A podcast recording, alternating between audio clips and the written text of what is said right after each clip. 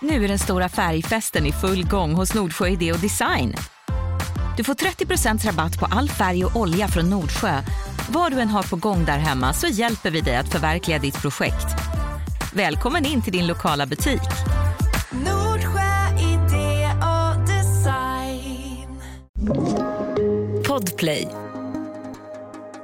Varmt välkommen till podden Snutsnack. Jag heter Hasse Brontén. Idag heter min gäst Erik som faktiskt har varit med tidigare. Vi ska prata om någonting som ja, vi kanske inte pratar om så mycket och framförallt inte inom polisen, nämligen ett annat, en annan syn på den svenska narkotikalagstiftningen. Skulle det kunna vara läge att avkriminalisera, eventuellt legalisera? Ja.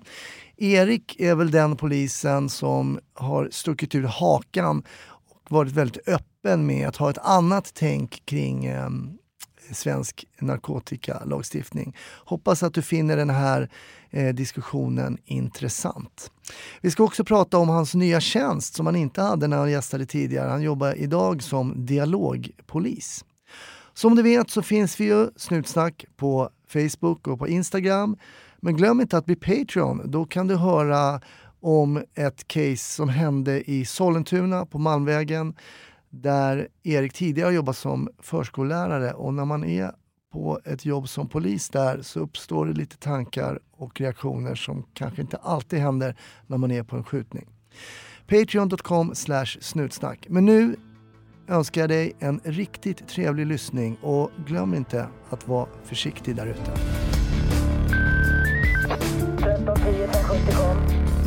1310 Odengatan kom. Ja, det är uppfattat. Vi tar det. Slut. Bra. Klart slut. Välkommen tillbaks Erik! Tack. Eh, Erik har varit gäst tidigare. Yes. Eh, då hade du varit polis i typ fyra år. Nej, jag räknade fel. Det här var, jag var här 17 senast Ja. och då hade jag varit polis i sju år. ja, jag gick på din matematiska nej, och formel. den ska man inte lita på. Min matematik. Ja, okej. Men eh, eh, du är hjärtligt välkommen tillbaks och Tack. anledningen lite, vi har ju stött på varandra. Senast Mm. var det på Gröna Lund. Ja, i somras. Ja. Just det. eh, med barnen och sådär. Det är för att du faktiskt har synts lite i media i samband med diskussionen kring narkotika. Man pratar om, man pratar om avkriminalisering till exempel av vissa preparat och framförallt kanske cannabis. Mhm. Och någonting som kallas legalisering. Jag tänkte vi kunde bena ut de där begreppen lite senare. Mm. Det tänkte jag vi skulle prata lite grann om, för din tanke är ju att vi borde i alla fall avkriminalisera. Och Eh. kanske också legalisera. Ja, alltså det, det är väl ungefär det jag har landat i. Ja. Att, för, för, och vi kanske kan bena ut begreppen redan nu. Vi kanske kan börja där, det Ja. går jättebra. Eh, Ja. För när man då pratar om avkriminalisering Mm. så pratar man om avkriminalisering av eget bruk och i vissa fall då eh, mindre innehav. Mm. Eh, Alltså typ innehav för eget bruk då Ja, men säga. precis. Mm. Eh, och det finns lite olika modeller på det där. det prövades i Norge en utredning som lades fram men som eh, inte gick hela vägen i mål i omröstningen i deras storting, tror jag heter, Ja, riksdagen. det. Mm. Eh, där, man, där man då ville avkriminalisera det egna bruket och innehav av för eget bruk då. Och då, då, då, då skilde det sig tror jag beroende på preparat och mängd. Mm. Eh, Så en viss mängd av cannabis, en viss mängd av heroin, alltså, men de, de flesta drogerna. Liksom. Eh, och det har ju blivit för mig liksom en no-brainer. Jag tycker det är vansinnigt hur det ser ut med liksom narkotikapolitiken. Just kopplat till missbruksfrågan. Mm. Eh, de, som, de som hamnar i missbruk. Just det. Eh, Att vi- man har problem, inte att man är kriminell. Det är så du tänker? Alltså man, man blir ju kriminell. Ja, i. Sverige blir man ju det. Ja, eh, och kanske inte bara på grund av bruket, men kanske beroende, beroende på liksom livsstilen och Ja, mm. eh, brotten man behöver begå för att finansiera sitt missbruk och så vidare. Ehm, och då tycker jag det är eh, ja, men skamligt, rent ut sagt, att vi ser på den människogruppen som, som ja, men mindre värda och Mm. brottslingar. Mm. Ehm, på ett sätt som vi inte gör med, med eh, missbrukare av andra preparat, till Ja, exempel alkohol. Att det är liksom värre att vara citat knarkare än Mm. alkoholist till exempel. då. Ja, och det, och det är ett, en, ett stigma som man pratar om, en stigmatisering av den här Mm. gruppen. Eh, människor som förvisso till viss del finns eh, riktat mot alkoholister också. Mm, Jag menar, det är mm. ju inget man, man talar högt om, liksom ett, ett problematiskt alkoholbruk eller riskbruk. Men, men eh, redan där så gör man skillnad på eh, olika former av bruk av alkohol Mm. på ett sätt som man inte gör med andra preparat. Du kan vara hög, högkonsument, du kan vara riskkonsument av alkohol.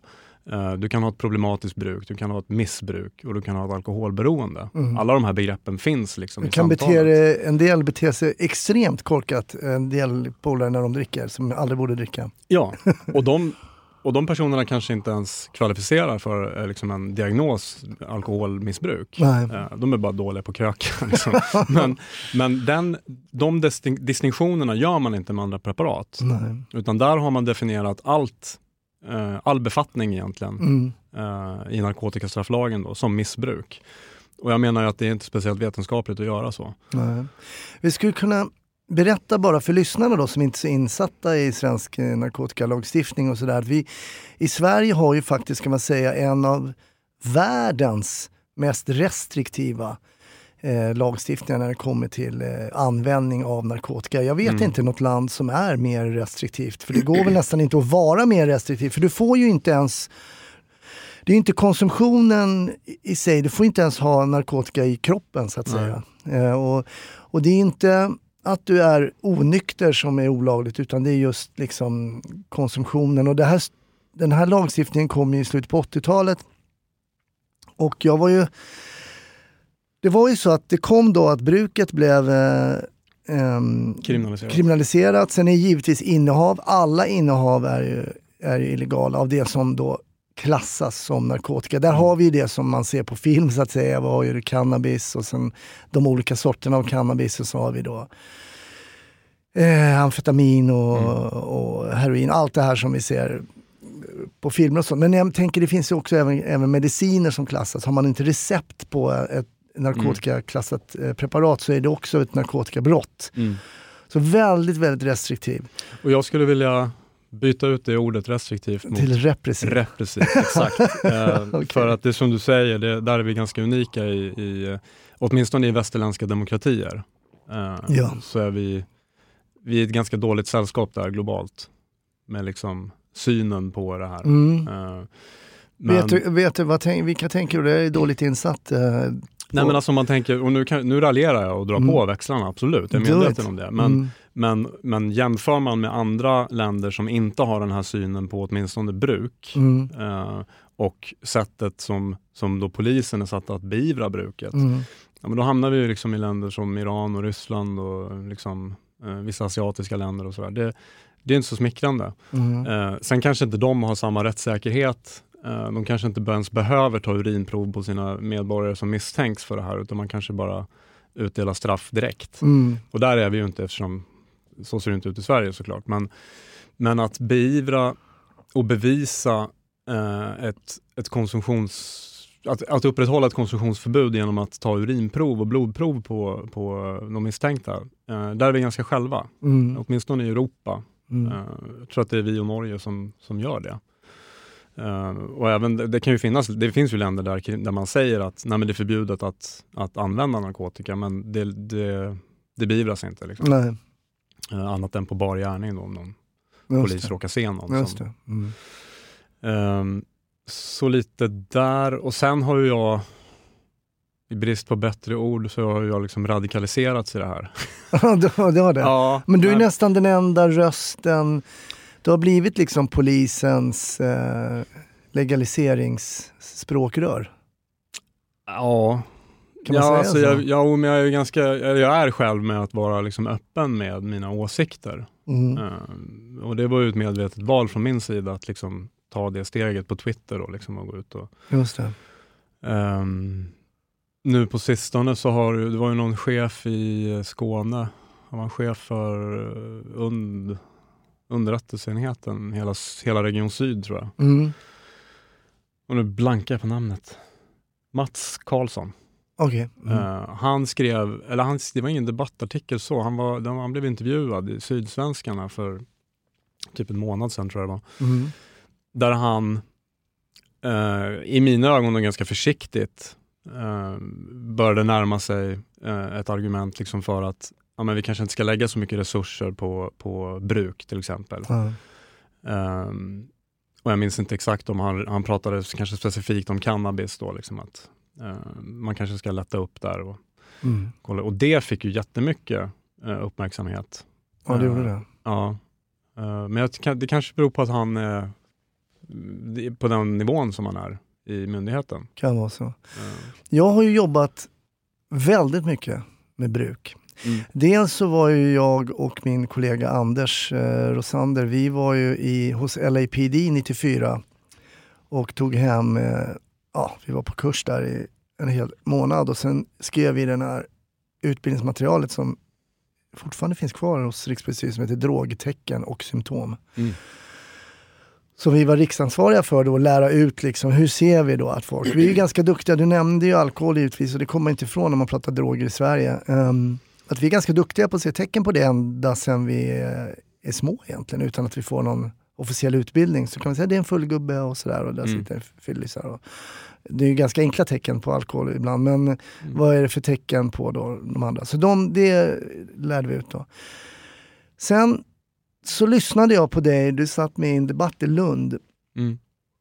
eh, när man pratade om, jag tror det var en forskare som menade på att man använder den här lagstiftningen som, ah, jag ska inte säga svepskäl, men att man kan gå in liksom och, och använda sig av den i syfte att egentligen inte, för att man ska ju veta att lagstiftningens mål och syfte från början är att man ska upptäcka folk som är tidigt då, Mm. i missbruk. Mm. Eh, och det poliser det finns ju där folk missbrukar och sådär. Men att man då använder det för att gå vidare till exempel i... i Att upptäcka att grövre upptäcka brott kanske. grövre brott Mm. kanske, framförallt inom den, eh, inom den brottsligheten, då, narkotikabrott. Och det gjorde vi ju, eh, måste jag säga. Men det som framförallt var, som jag inte tyckte att ni nämnde där, var ju för min del och för vår grupp, då, jag tänker framförallt när jag jobbade på Gatlinesgruppen och på Rave-kommissionen framförallt. Mm. Det var ju att man fick en otroligt bra källa till information. Mhm. Eh, nu var inte alla som ville prata och berätta var de har köpt sina saker och sådär men Mm. inte helt sällan så är man ung och, och kanske tänkt så här, men det här var olagligt och, och sådär. Och sen pratar man med en trevlig polis och bara, ah, men jag köpte där och där och så vidare. Och så vidare. Man fick väldigt mycket information. Mm. Och tanken var inte att de ska egentligen vara en kanal då, kanske in egentligen, utan man ska bistå med hjälp om man då är i missbruk. Men jag har varit med om att vi har, jag tog en 16-årig kille en gång som tog E, ecstasy för första gången. Mm. Och eh, hans farsa ringde sen någon månad senare och tyckte, ja men det var väl bra. Mm. Alltså så att det finns ju... Det finns en tanke där som är god. Ja, Jag vet inte om jag håller med om det. Nej, låt mig låt Eh, mig alltså, ja, alltså tanken kanske är god. Mm. om det handlar om Alltså om man formulerar, nu ska jag vara välvillig då och tolka liksom argumenten eh, på ett bra sätt. Men om, ta- om tanken är då att man ska upptäcka så att säga eh, unga människor eh, på glid, på väg in i ett missbruk och sådär. Mm. Ja, men då kanske det kan vara en idé eh, med, med ett ingripande från en polis. Men, men jag undrar varför det krävs liksom böter Mm. och ett, ett kriminaliserande av det. En, en, en, helt enkelt en, en, en notis i registret också att du är dömd för narkotikabrott. Ja, för det får ju, det får ju liksom, oavsett vad, vad jag har hört andra kollegor säga att ja, men ett ringa narkotikabrott är ju inte hela världen. Liksom. Det, är ett, det, är ett, det är ett ringa brott. Mm. Men, men det får ju konsekvenser mer än bara liksom ekonomiska, att du måste pröjsa böter. Sen det, det bru- brukar väl bli det lägsta beloppet tror jag, Mm, ja, det brukar det bli. eh, dagsböter. Men, men är som du säger, man får ju liksom en notis i belastningsregistret. Eh, arbetsgivare kanske skannar efter det där.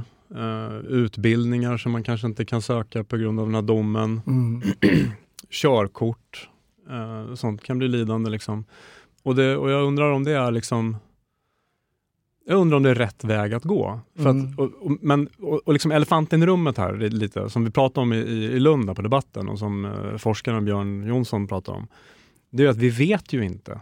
Vi vet inte vad den här lagstiftningen har eh, haft för effekt. Nej, nej, jag hörde det. Mm. Eh, och det är liksom så här, det- så är det. Mm. Vi kan inte säga att, att eh, en kriminalisering eh, håller nere bruket bland unga eller avskräcker folk från att pröva. Det Nej. vet vi inte. Nej. För vi har aldrig utrett den här lagen. Vi har aldrig utvärderat den här lagen.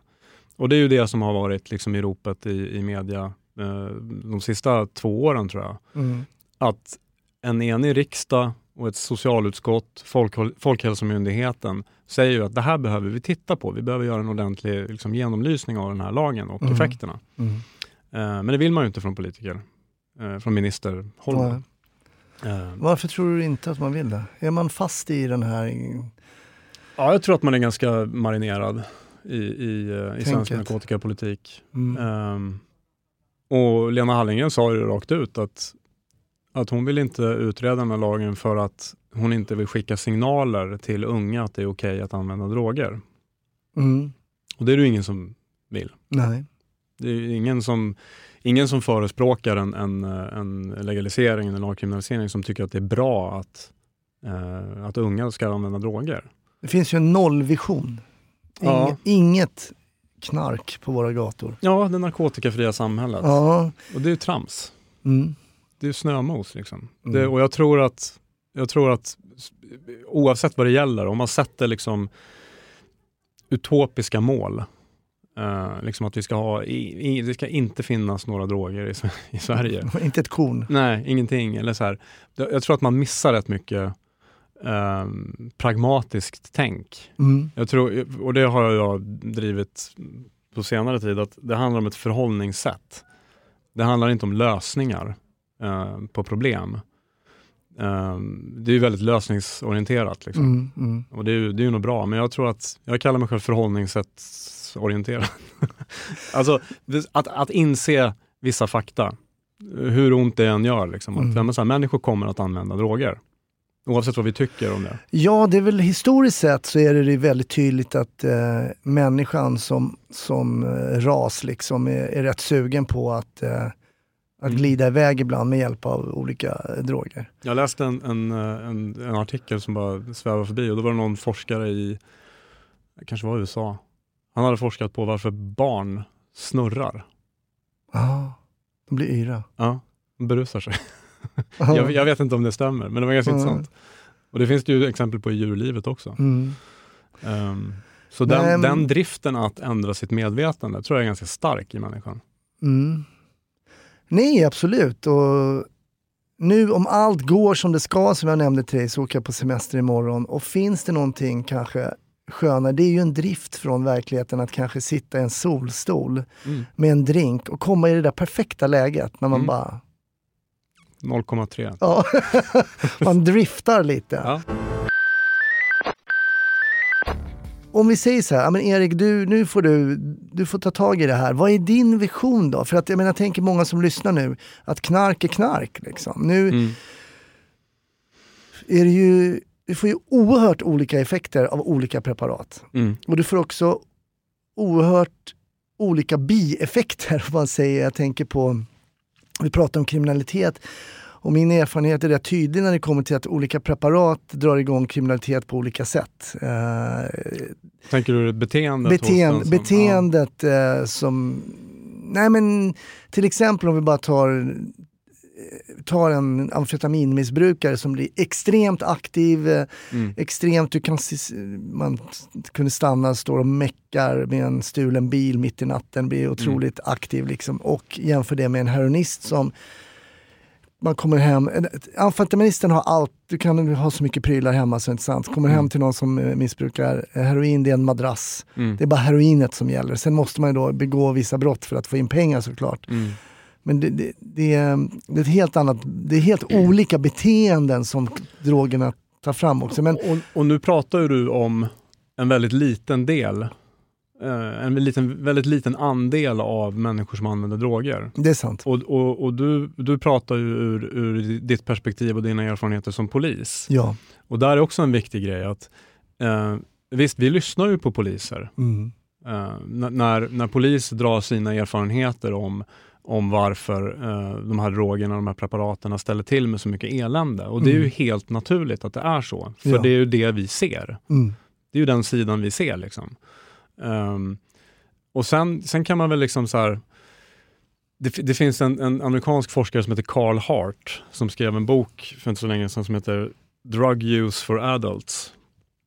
Och han, han är ju otroligt svår att smälta för ett svenskt narkotikapolitiskt sinne. Okej. Mm. Till och med för mig. Ja, det är så. Eh, han kom ut själv som, eh, som heroinanvändare. Eh, Wow. Och, och det är liksom, han är en forskare, han skriver böcker, han forskar på det här. Liksom. Han är en, en, en välfungerande pappa, en eh, liksom, eh, kreativ människa. Och han använder heroin då då. Den är skittuff att svälja, jag fattar det. Liksom. Ja, den, Men eh, läser det- man honom och mm. lyssnar på honom så... ehm, och det, sen, sen tycker jag mig höra, när man lyssnar på honom framförallt, att ja, men det hörs. Ja, det är så. Ja, för jag, menar, jag tror att det får vi- vissa fysiska liksom, Ja. eh, effekter så, men, men skarp som fan i huvudet liksom, och inga konstigheter så. Och han har varit öppen med, eh, cannabis är ju ingen skitkontroversiell grej i USA att vara Nej, öppen med. nej. Eh, men eh, så här, ecstasy som, man, som MDMA och Mm. heroinet är väl mest svårsmält och, och även vissa amfetamintabletter tror jag använder Ja, för att liksom, Metamfetamin till exempel. ja men liksom fast kanske mer i, i um, Tablettform. ja, tablettform. Ja, det, Och den, är, jag- den är ju svår att smälta. Ja, den är alltså. svår. Och just just eh, heroinet där, min erfarenhet som jag jobbade ju på Plattan länge, och, eller länge, men jag var i alla fall där fyra år och liksom bladade runt på Plattan och det det verkar tufft alltså. alltså Ja. Ta sig ur det där att vara för jag, jag menar jag har många vänner som har brukat, eh, liksom, men framförallt kanske rökt cannabis, testat kokain. Eh, fullt fungerande människor såklart som kan, vet vad de gör och har full kontroll. Och det har ju De flesta. de flesta liksom. Till och med någon kanske var, kan vara heroinanvändare. Mm. Eh, m- men eh, exceptionellt svårt tror jag att hålla det i schack. Alltså. Jag tror att det, Ja, och det, det tror jag också. Men jag tror inte att det bara beror på effekterna av drogen. Nej, det tror jag... Det tror jag, jag tror att det har med synen på drogen att göra i samhället. Ja, och, också din det faktum egen att det är ett brott. Liksom. personlighet också tror jag. Att kunna, mm, kunna ha ett mindset som att förstå att jag kan... Det gäller nog att ha uppehåll liksom, så man inte det blir- cold turkey på, då måste man nog tillföra. Mm. För om man har sett någon som har liksom, vad heter det, withdrawals, vad heter Abstinens. det? Abstinens Mm. på heroin så förstår man varför de petar i sig det igen för att bli friska så att säga. Mm. Men jag tänkte jag skulle gå tillbaka. Som i, vi har ju inte i Sverige, i andra länder, till exempel i USA, så har man ju delat upp det hard drugs och soft drugs. Mm. Och soft drugs då så är det ju framförallt då cannabis. Och från cannabisväxten så får vi ju hasch till exempel, cannabisolja, men framförallt marijuana som det är torkade växtdelar Mm. som man röker. Ehm, och när någon säger att de röker en joint så pratar man ju om marijuana till exempel. Men hur skulle ditt tänk, om vi säger att vi så här, du är Hallengren nu Mm. och har liksom suttit och, och eh, klurat på din kammare. Hur skulle ett, ett liksom förslag se ut? Du behöver givetvis inte lägga upp eh, exakt det, men om du sk- skulle liksom förtydliga lite för lyssnarna hur du tänker kring hur man skulle kunna förändra. Nej, men, eh, där tror jag, alltså, som jag sa, jag har ju i mina tankar och mina åsikter så har jag ju gått ganska långt. Mm. Eh, men samtidigt så är liksom, får man ju vara lite realistisk där. Eh, och jag tror, jag tror på baby steps. Mm. Och jag tror att utred lagen som den ser ut. Mm. Eh, undersök ordentligt, förutsättningslöst eh, vad den här lagen har fått för effekter. Mm. Eh, börja där. Mm. Och sen ehm, ja, alltså, den, den, den utredningen får ju visa vad som är liksom mest gynnsamt. Eh, men utredningar som har gjorts i andra länder, Portugal till exempel, eh, Schweiz hade skitstora problem med, med eh, heroinmissbrukare på 80 och 90-talet. Mhm. Där valde man ju en annan väg. Och där valde man att sluta se de här människorna som brottslingar, eh, inte ha drogfrihet som främsta fokus. Det är ju det vi har i Sverige, så ser behandlingen, du ska bli drogfri. Mm. Medan andra länder har ju satsat mer på skademinimering, eh, kanske till och med i vissa fall som i Schweiz då, tillhandahålla heroin. Inte liksom eh, eh, Subutex eller Metadon eller något sånt där. Ja. Utan man får heroin av staten. Också ett svårt piller att smäl- smälta kanske. Ja, Men, men, det, men, men siffrorna talar ju sitt språk där i Schweiz. Man, det, det dör väldigt lite människor i överdoser där. Mm. Ehm, och, de, och det är ju inte bara att avkriminalisera. Det är ju inte bara att säga så här att nu är det inte brott längre. Fine, nu har vi gjort vårt. Det, det kommer ju inte funka utan det handlar Mm. om att flytta de resurserna och det fokuset till vården. Mm. För det är också så här, det, det är en sån här käpphäst som jag har också att droganvändning ska inte ha med rättsväsendet att göra. Alltså rättsväsendet ska inte ha med droganvändning att göra. Det är en vårdfråga. I de fall människor behöver hjälp. Och behöver människor inte hjälp, då är det inget problem. Om alkohol hade kommit nu då, hade det gått under narkotikalagstiftningen tror du? Om det kommit som en ny drog? I- Alltså, den, är, så- den är så hypotetisk den frågan. Mm. För att jag, jag tror att alltså, historiskt, som vi var inne på, liksom, historiskt i mänsklighetens historia så har, så har de här preparaten funnits Mm. vid våran sida på ett eller annat sätt. Liksom. Och, och, att, och att man säger att introducera en ny drog liksom, i ett land, det är också en, det är ett eko från, från lobbyarbetet som svensk narkotikapolitik bygger på. Mm. Att man, man försökte liksom press, pressa ut budskapet att nej, men det här är främmande för Sverige, Mm. de här drogerna. Det här sysslar vi inte med i Sverige. Liksom. Mm. Ehm, så att jag tror att det är ett, ett, ett inkorrekt sätt att se på de här preparaten. Mm. Eh, nej men det har ju, man kan ju bara se en förändring. Eh, jag tänker på mig själv som då är 60-talist och eh, växte upp i Spola Kröken, narkotikafritt samhälle, non-smoking generation. Mycket information. Mm. Och Nej, men jag skulle vilja säga att det funkade på många av mig och mina vänner, informationsdelen där. Jag spelade basket mycket och eh, det var väl några som krökade på mig, det var några som inte gjorde det. Mm. Men sen så när jag började på polisen eh, så märkte man att det kom en yngre generation sen, man hade jobbat ett tag, som kanske hade varit ute och rest lite mer Mm. Som hade varit i Australien, surfat, eh, kanske inte bara surfat.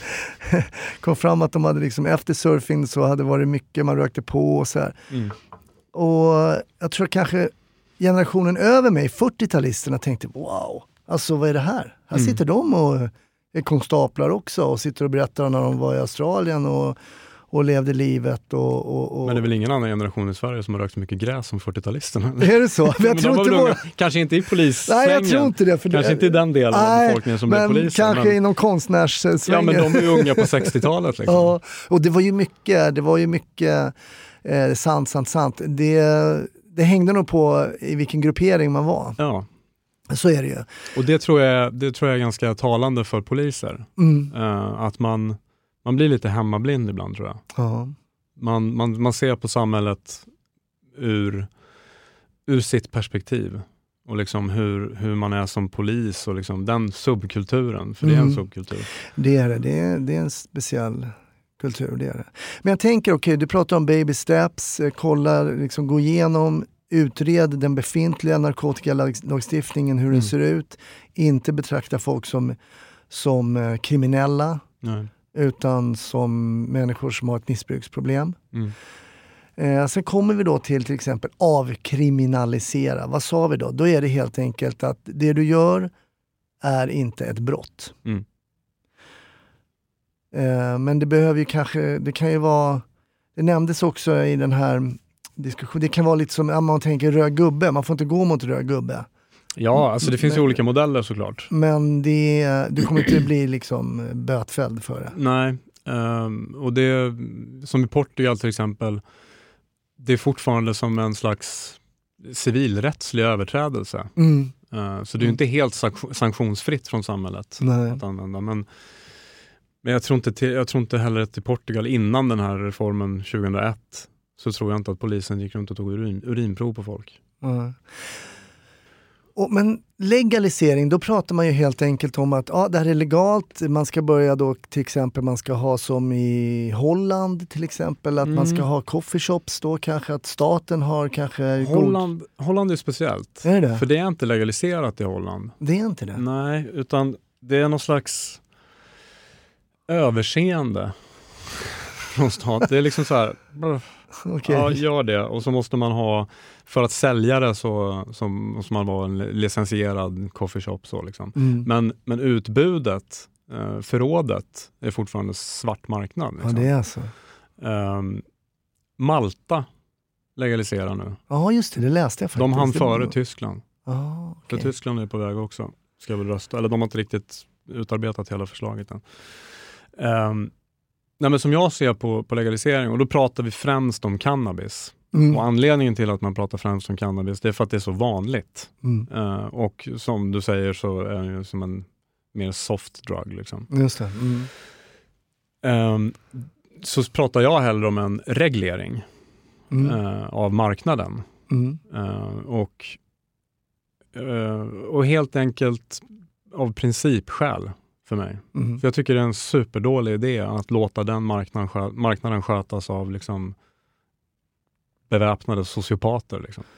Ja, och det har ju varit väldigt mycket prat nu hösten eh, 2021 om gängkriminaliteten till exempel. Vad tror du, hur skulle en sån reglering, man skulle väl knappast sparka undan benen direkt på de här? Nej, det tror jag inte.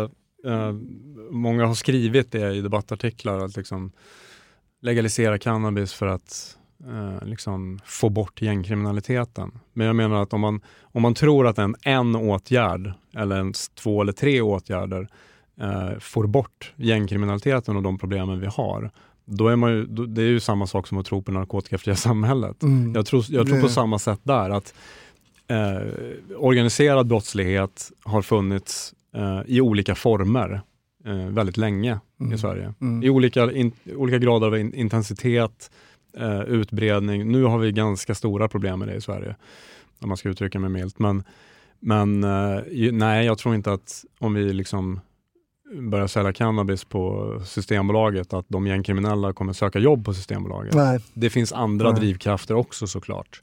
Men så, för, så för mig är det som sagt en principfråga. Mm. Att det här vi, ska inte de syssla med. vi är överens egentligen eh,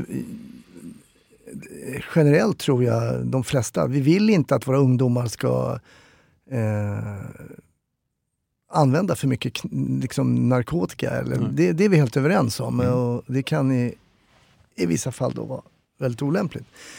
Jag kommer ihåg att jag sa, jag satt i en intervju på TV4, jag hade fått så mycket skit någon gång eh, och mail. Då sa jag vid ett tillfälle, vi måste komma ihåg att det finns någonting positivt med narkotika. Ja, jag kommer ihåg när du sa det. Det var inte så länge sedan. Nej, inte så himla länge sedan. Eh, och, och du vet, folk tittar på mig. Jo men, det finns en anledning om man provar ett preparat. Mm. Att man provar en gång till. Om man har blivit beskriven som det lite vi fick på min tid, att liksom, om du röker en joint så kommer du hoppa ut genom eh, fönstret och tro att du kan flyga och sånt där. Och det där har ju slagits hål på genom att alla har provat och inte gjort det. Mm. Eh, Eller att man börjar med heroin till slut. Ja, eller att bara du röker det så, ja. leder, det- så står det på plattan om en Mm. vecka. Liksom.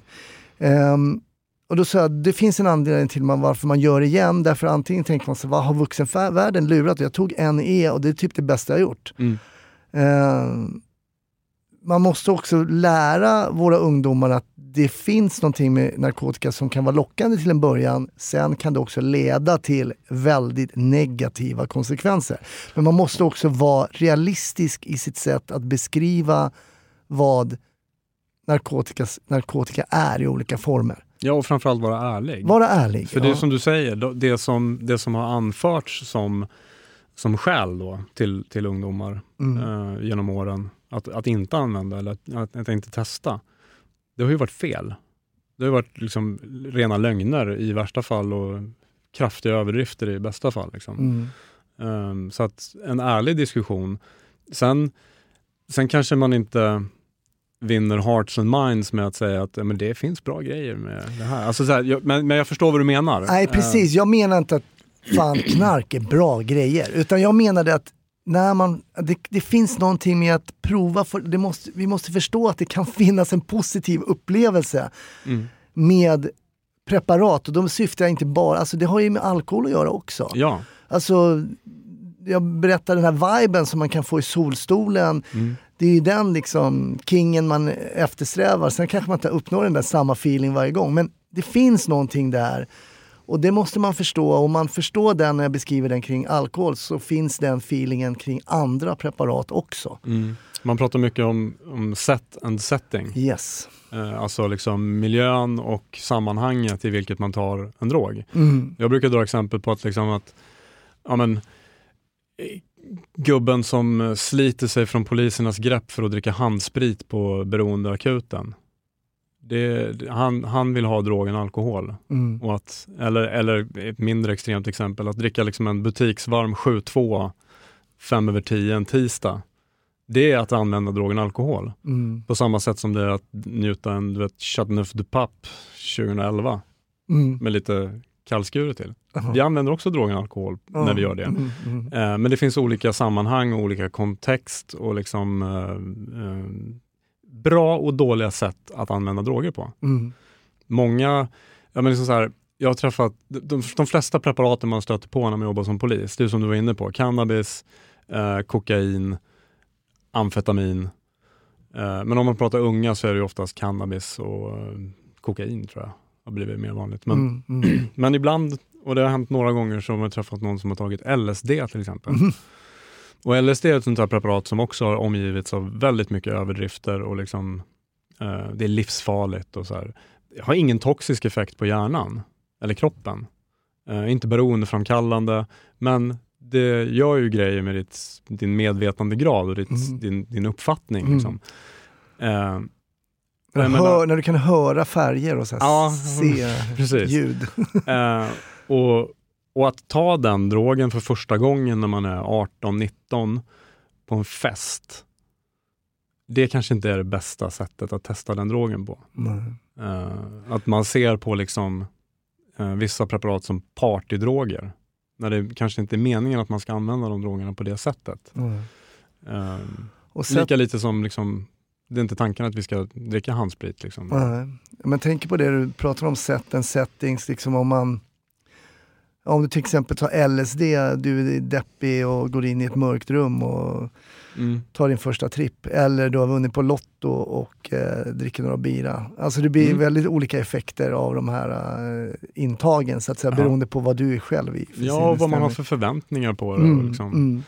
Jag menar, om man inte skulle veta att man fick i sig alkohol så skulle man ju ringa akuten. ja, särskilt i vissa lägen. Ja, nej men alltså bara de här, den här första, oj, Ja. men när man vet att man, liksom, som du sitter i solstolen, liksom, Mm. att så här, ja, men efter tredje bärsen, liksom, då är det nice i kroppen. Liksom. Mm. För då vet man det, då har man förväntningar på, man vet hur det, hur det känns och hur det ska kännas. Liksom. Mm, det. Men tänk att liksom bli smygdrogad med sprit. Det varit fruktansvärt. Ja. ja, det är ju ett rent sömnmedel egentligen. Du, Ja. Du får den här lite euforiska effekten men sen det bara, går det bara mot sömn och, och egentligen mot död ju mer, du- Ja. ju mer du intar det så att säga. Ja. Jag tänker, är vi fast i den här Bejerotska det var ju Nils Bejerot som Mm. var väldigt, eh, det var väl var det slutet 60 eller var det 70-talet kanske? Jag vet inte exakt men ja, han började väl arbetet 60-70-talet. så. mm, det var och som kulminerade i kriminaliseringen kan man säga. Ja, precis. Jag tycker att frågan är oerhört intressant eh, att diskutera. Och just med rörelsen av människor, det var ju tidigare när, när jag växte upp, då var det någon som hade varit liksom i USA. Man bara, wow, jag har varit i USA, kom hem och visa diabilder. Mm. Man satt med en sån diabildsprojektor och fick se hemma hos en annan familj. De var Mm. så här, va. Nu är folk överallt i världen och Mm. några är på, jag lyssnade på Alexander Bard, vad heter det? Han, det är ju inte LSD, men han, den här, när man, är det någon svampar eller? Eh, ayahuasca? Ja, är det det ja? Ja. DMT? Men, ja. Det är någon form av liksom någon psykisk cleansing också, man går igenom någon Mm. form av eh, hallucinogena effekter liksom. Och, Ja, skiter och spyr väldigt mycket. för I, I det sättet man tar det, ayahuasca, då dricker man en, en, en brygd liksom, av den Ah, här okej. växten. mm. Och tydligen då så när man gör det, det är, det är liksom det aktiva ämnet är DMT, som har en Mm. lång, lång, eh, det är en förkortning på ett väldigt långt och knepigt ord som jag inte Ah, kan. okej. Mm. Fysiken, Men- ja. Men det går att röka DMT också och få Ah, okej. i princip samma upplevelse fast bara på sju minuter eller någonting. okej. Men, men just man dricker den här ayahuascan så... Det är så- lustigt att människan har lyckats luska fram alla de här grejerna. Jag tänker på, vi har ju mm, vissa eh, vad heter det, indianer, alltså man tänker på psilocybin och svampar och vi har ju mescalin, alltså kaktusarna, Mm. har man ly- lyckats utvinna saker så får de Mm. folk att uppleva saker som man har lämnat liksom eh, det, det stadiga vanliga vardagstänket liksom Mm. och sin egen eh, kropp ibland lämnar man. Och, Mm.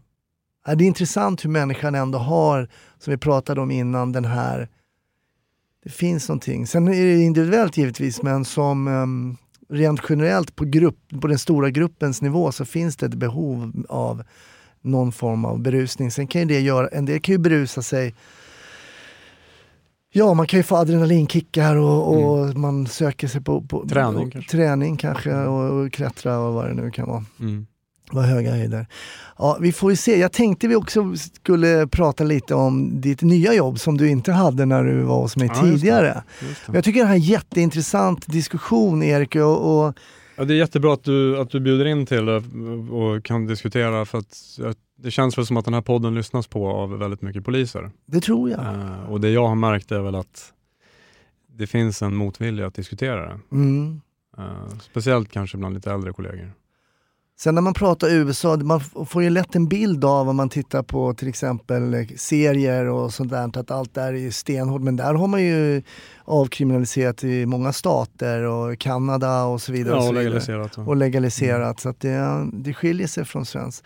Äh, men kul, det, det blir ju liksom för er som inte kanske är så insatta, jag hoppas ni har fått en liten inblick i de här tankarna som Erik, eh, ja du, du är liksom eh, ja, språkröret för, du är den enda Ja, konstapeln som, ja men du är en av, eller är du den enda egentligen? Det är jag är den enda som är öppen med det. som är öppen Mm. liksom med de här, för att det här har nog varit ändå ganska citat, eh, förbjudna tankar liksom Mm. ändå för en polis. Och jag har reagerat själv hur lite jag reflekterade över lagstiftningen när jag jobbade med de här frågorna. Jag Mm. tänkte okej den här lagstiftningen vi har, nu kör vi på den Mm. och gör det bästa av det som finns. Liksom.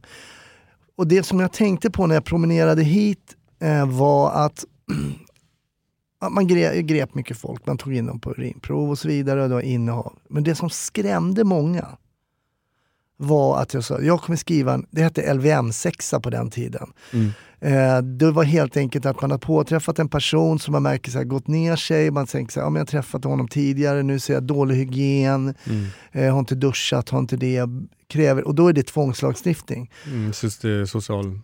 Ja, precis. Nämnden. Ja, och då blir de livrädda. Nej, du, skriva en, du får inte skriva en LVM-sexa, för då, blir de, då blev de liksom inlåsta. Mm. Så det kändes nästan som att det var ett värre hot än att "Väl, akta så jag griper dig någon dag liksom, Mm. för ett brott. Ja, och många alltså, som tas för, för in, eh, bruk, där kanske polisen skriver en, en, eh, en orosanmälan till Mm. SOS. Mm. I läge, alltså bara för att man har brukat Mm. någonting. Liksom. Mm. Och det kan ju ställa till mer än det, än det hjälper, tror jag, Ja, ja. i vissa fall. ja, spännande. Eh, stort tack Erik. Vi, Tack. vi, vi rundar av det som jag tänkte vi skulle avsluta med. Då. Men, Men nu jobbar du som dialogpolis. Ja. Hur kommer det sig att du sökte, vad visste du om dialogpolisen när du sökte tjänst som det? Ehm, ganska mycket faktiskt. Ja, det visste jag. Eh, jag fick upp ögonen för dialogpolisen när jag gick på skolan. Eh, 2008-2010 gick jag polisutbildningen och ehm, blev intresserad. Liksom. Skrev mitt examensarbete om dialogpolisen faktiskt. Ah, Sen minns jag inte vad, vad det handlade om riktigt specifikt nej. faktiskt. Ehm, men eh, dialogpolisen är en, en enhet inom polisen som startade efter Göteborgskravallerna 2001. Mm. Som, ja, de demonstrationerna gick väl sådär om man ska liksom utvärdera, dem polisiärt. Mm. Det kan vi konstatera. Eh, jobbar du där? Eller? Ja, jag var där. Du var där, eh, ja. Ja, Göteborg. Jag satt på en eh, saccosäck. Eh, Jag jobbade ju på Säpo då, på span Jaha, och kollade på någon monitor för att se Ah, ja, okej. var vissa danskar befann sig. just det. Just det. Mm. Eh, nej men det där gick ju sådär. Eh, polisen var liksom inte utbildade för eh, sådana händelser med stora folksamlingar och liksom, eh, på ett bra sätt. Jag vet att man har haft, eh, vad kallar man det, IMFen på 90-talet tror jag. Ja, jag kommer inte ens ihåg. Nej. Men det var mycket, mycket baserat på att man såg en, en, en var det liksom tillräckligt många människor i, i en grupp, då var det farligt. Liksom.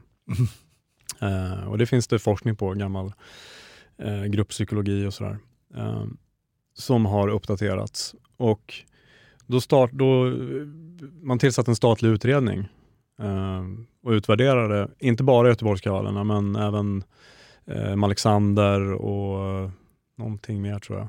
Men man kom fram till att eh, efter det så tog man fram SPT-konceptet, särskild polistaktik i Mm. arbetet med, med folksamlingar. Eh, bastaktiken kom fram där efter Alexander, då, hur, hur vi står och går och skjuter och kör och lite sådär. Mm. Ehm, men det som blev aktuellt för dialogpolisens eh, frö, så att säga, det var en mening då som det var Ingvar, Ka- Ingvar Carlsson och Ulf Adelsson som, som gjorde den här rapporten, Mm. eller utredningen. Och de landade i slutsatsen att svensk polis måste bli bättre på att förstå det samhället den verkar i. Mm. Eh, och då handlade det om eh, eh, de, det, de områdena som, som dialogpolisen är satt att jobba med, det vill säga politik, etnicitet och religion. Och grupper och individer till viss del som vill väcka opinion inom de ämnena. Liksom. Mm. Så eh, enkelt beskrivet så jobbar vi på demonstrationer Mm. när vi jobbar ute. Okej. Eh, och, men då, då har vi redan gjort rätt mycket av vårt jobb. Vi brukar säga att vi delar upp, vi jobbar ungefär 20% ute och 80%, 80% inne. Och när vi, när vi är ute på en demonstration, då har vi redan gjort liksom 90% av jobbet. Och vad består det jobbet av? Eh, det består av eh, research, omvärldsbevakning i det långa loppet. Liksom. Eh, det är min vardag. Jag sitter och läser nyheter. Typ. Ja. Hänger med i, i, i både svensk inrikespolitik men även utrikespolitik. Det kan ju finnas, det har vi sett, sett, sett exempel på många gånger, saker som händer i utlandet som får eh, konsekvenser för eh, den gruppen av människor som bor här. Ja, absolut. Vi älskar ju att kopiera USA. Ibland blir det nästan lite larvigt. Ja, du tänkte på den ja. Men, men framförallt vad vi brukar kalla för importerade konflikter. Eh, Ja, ja, ja. eh, ja. Turkar, kurder, Mm, armenier, Mm, jag förstår. iranier har vi en väldigt stor diaspora i som Mm. håller på nu med en, en rättegång om eh, eh, folkrättsbrott. Okej, En, en avrättning som skedde i Iran på 80-talet. Han, okej. sitter, han sitter häktad nu, eller de håller på med förhandlingar nu. Okej, Och då är det väldigt mycket demonstrationer från olika iranska grupper. okej. Eh, men så i vardagen så, så är det mycket omvärldsbevakning. Men inför en specifik händelse eh, så kan det vara oftast en, en grupp eh, som vi har kontakt med sedan tidigare. Eh, långvariga relationer med de här grupperna. Så att vi kan ringa om de söker tillstånd så kan vi liksom ringa och stämma av hur, hur tänker ni kring det här. Eh, söker man inte tillstånd av olika skäl så, så kan man liksom ändå ja, förmå dem att söka tillstånd såklart, men ändå Mm. liksom eh, föra en, en, en dialog helt enkelt. Nu känner inte jag till, eh, jag tänker ju spontant då, det man visste varje år när man jobbade på Norrmalm var ju 30 november. Mm. Så skulle man ju typ stå vid Karl XII staty och, och det blev någon form av demonstration där. Mm. Och det är väl någonting, alltså de här högerextrema grupperna och sen tänker jag på när jag tänker på, eh, vi pratade om Göteborg, Mm. så tänker jag på AFA Mm. eh, som kanske då är på andra sidan om man tänker att det är vänsterextrema om vi kallar det för det, eller om de möts i mitten eller hur man, hur man Mm. vill se det. De, de, de stökar båda två i alla fall. Ja, och jag, som jag nämnde innan vi, eller jag vet inte om jag började spela in då, men det, blir, det blir konstigt för mig att gå in och liksom värdera och recensera olika grupper. Ja, det behöver du inte Det, det ska jag absolut inte göra, för, Nej. det, för det är en förtroendefråga i och med Mm. att vi samverkar med alla de här grupperna. Mm. Ehm, så, men generellt så, som du säger, vi har haft under årens gång så har vi haft eh, lite så här the big five, kallar vi dem. Och då var det ju liksom ehm, Noshörning, elefant. är det en annan? Anthrax, Metallica, Slayer. eh, vad fan, nu blankar jag. Men eh, om vi tar dem i, i oordning då. Ja. Så nationaldagen, eh, 30 november, Pride till viss del. Reclaim the Streets tror jag var en, en äldre sån Mm, just grej. Mm. Eh, första maj såklart. Första maj. ja. Mm. Eh, och 13 november sa jag Salemsmarschen. Mm, det. Finns den kvar? Jag jobbade faktiskt på den i lördags. Men- Alltså, Nej, den finns inte kvar. det var bara några dialogpoliser där. typ. Ja, Eh, alltså, mm. Ja, jag ska inte gå in på den. Men så att de, de, de stora fem liksom, gick ju SPT-organisationen runt på liksom, Mm. kan man säga. Mm. Sen, sen har inte det... Många av de där är nedlagda. Liksom. Första Mm. maj är alltid första maj. Hur var 30 november i år till exempel? Eh, I år var det förs, första gången på ganska länge som vi hade en, en lite större manifestation. Ah, Okej, det var så. Eh, ja. En tillståndssökt litet fackeltåg. Mm. Väldigt lugnt och stilla. Ja. Ehm, men det är också liksom, klingat av. Mm. Eh, och, och, och Det finns ju mycket att säga om varför det, det ser ut så. Det vi har fått istället för de här fem, sex stora demonstrationerna på ett år, så har vi jättemånga fler, Mm. men mindre Mm. och mer komplexa. Eh, Och när du säger komplexa då, för att jag menar om jag tänker vadå, det är några som går med ett par flaggor och så Ja. lite plakat och så. Vad är, varför, hur, på vilket sätt blir det mer komplext för er? ja, men ett exempel, och nu pratar väldigt generellt till exempel, så Mm. om det, om det är en iransk demonstration, Mhm, ja, men då, ska man, då, då, då kanske någon annan säger så här, ja men det är iranier. mhm, Eh, och de är mot regimen. mhm, För de är liksom exiliranier, de kom hit på 70-80-talet. Sådär. mhm. Men då ska man veta att det finns ju fem, sex olika grupper eh, med olika politiska inriktningar. Det finns kommunister, det finns eh, eh, royalister, det finns allt möjligt så här, med olika flaggor och det är små detaljer som, som skiljer på flaggorna. Och, så här, så att, och det är ju den Folkets Mujahedin. också, ja precis. Ja, just det. det. Eh, och, och, det, och det är ju där vi lägger vårt arbete på. För vi anser oss själva i alla fall besitta en djupare kunskap Mm. om de här olika grupperna. Ehm, för att kunna förstå dem eh, och, och, och för att motverka att vissa grupper sluter sig och radikaliseras ytterligare. Mm. Eh, det är det arbetet går ut på. Vi är brottsförebyggare. Men det här är oerhört intressant. Det du sa först att vi, ehm, man måste känna till den omvärlden man verkar i, sa Mm. du. Och det är ju någonting som är ofta learning by doing för en polis. Och jag Mm. tänker att mycket av den utbildningen som jag tänker att ni kanske får genom att eh, läsa på, borde man ju få Nej, men jag vet bara, jag själv kommer bara på en spontan grej när jag kallade liksom en iranier för arab en gång. Wow! Ja, du vet. Men du vet, ung spoling, eh, kunde ingenting. Eh, och man bara såg hans ögon när det på att ramla ur. Mm. Eh, bara sådana grejer, att kunna sin omvärld, liksom. Ja. att kunna benämna folk korrekt. Och Ja. Det är ganska enkelt, men det går ju rätt att komma i, i, i små konflikter.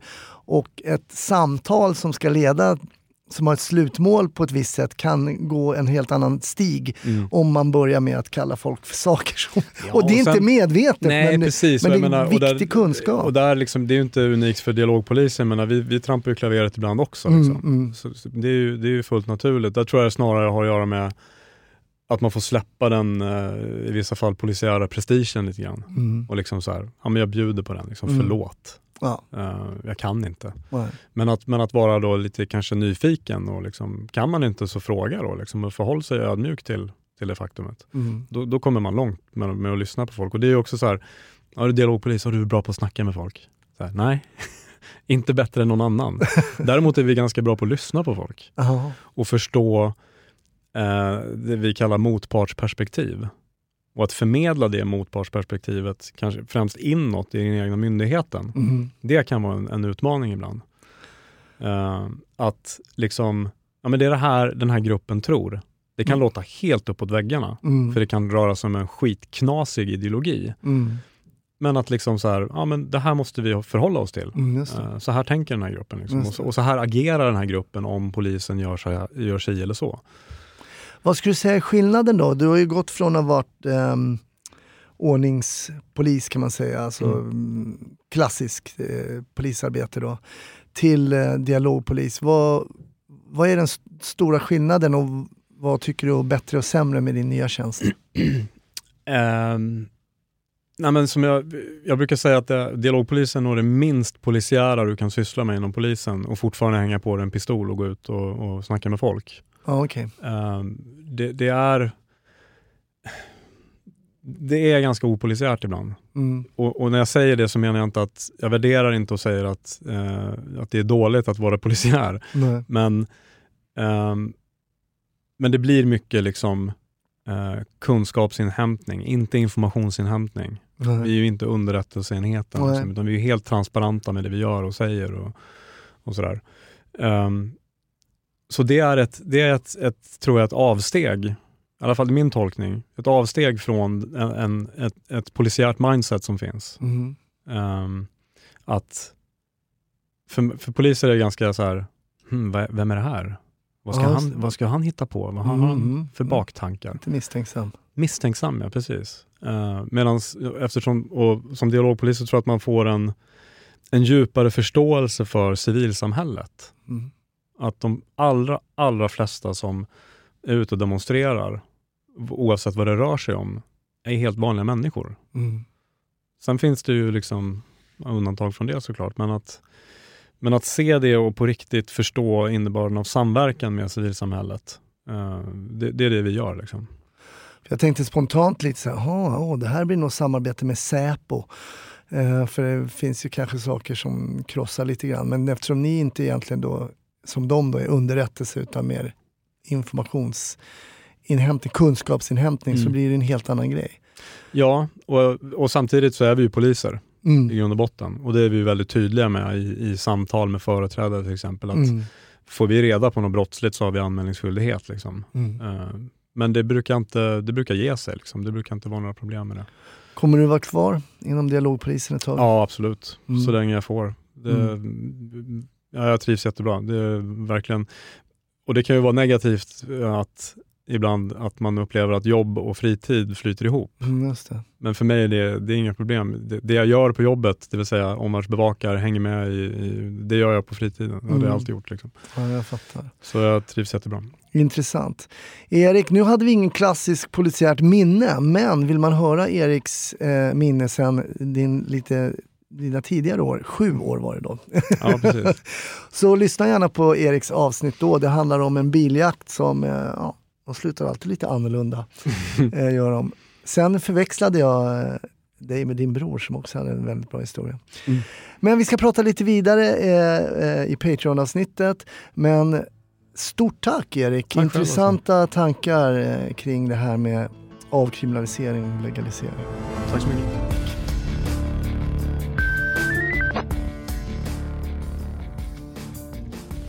Tack för att du har lyssnat.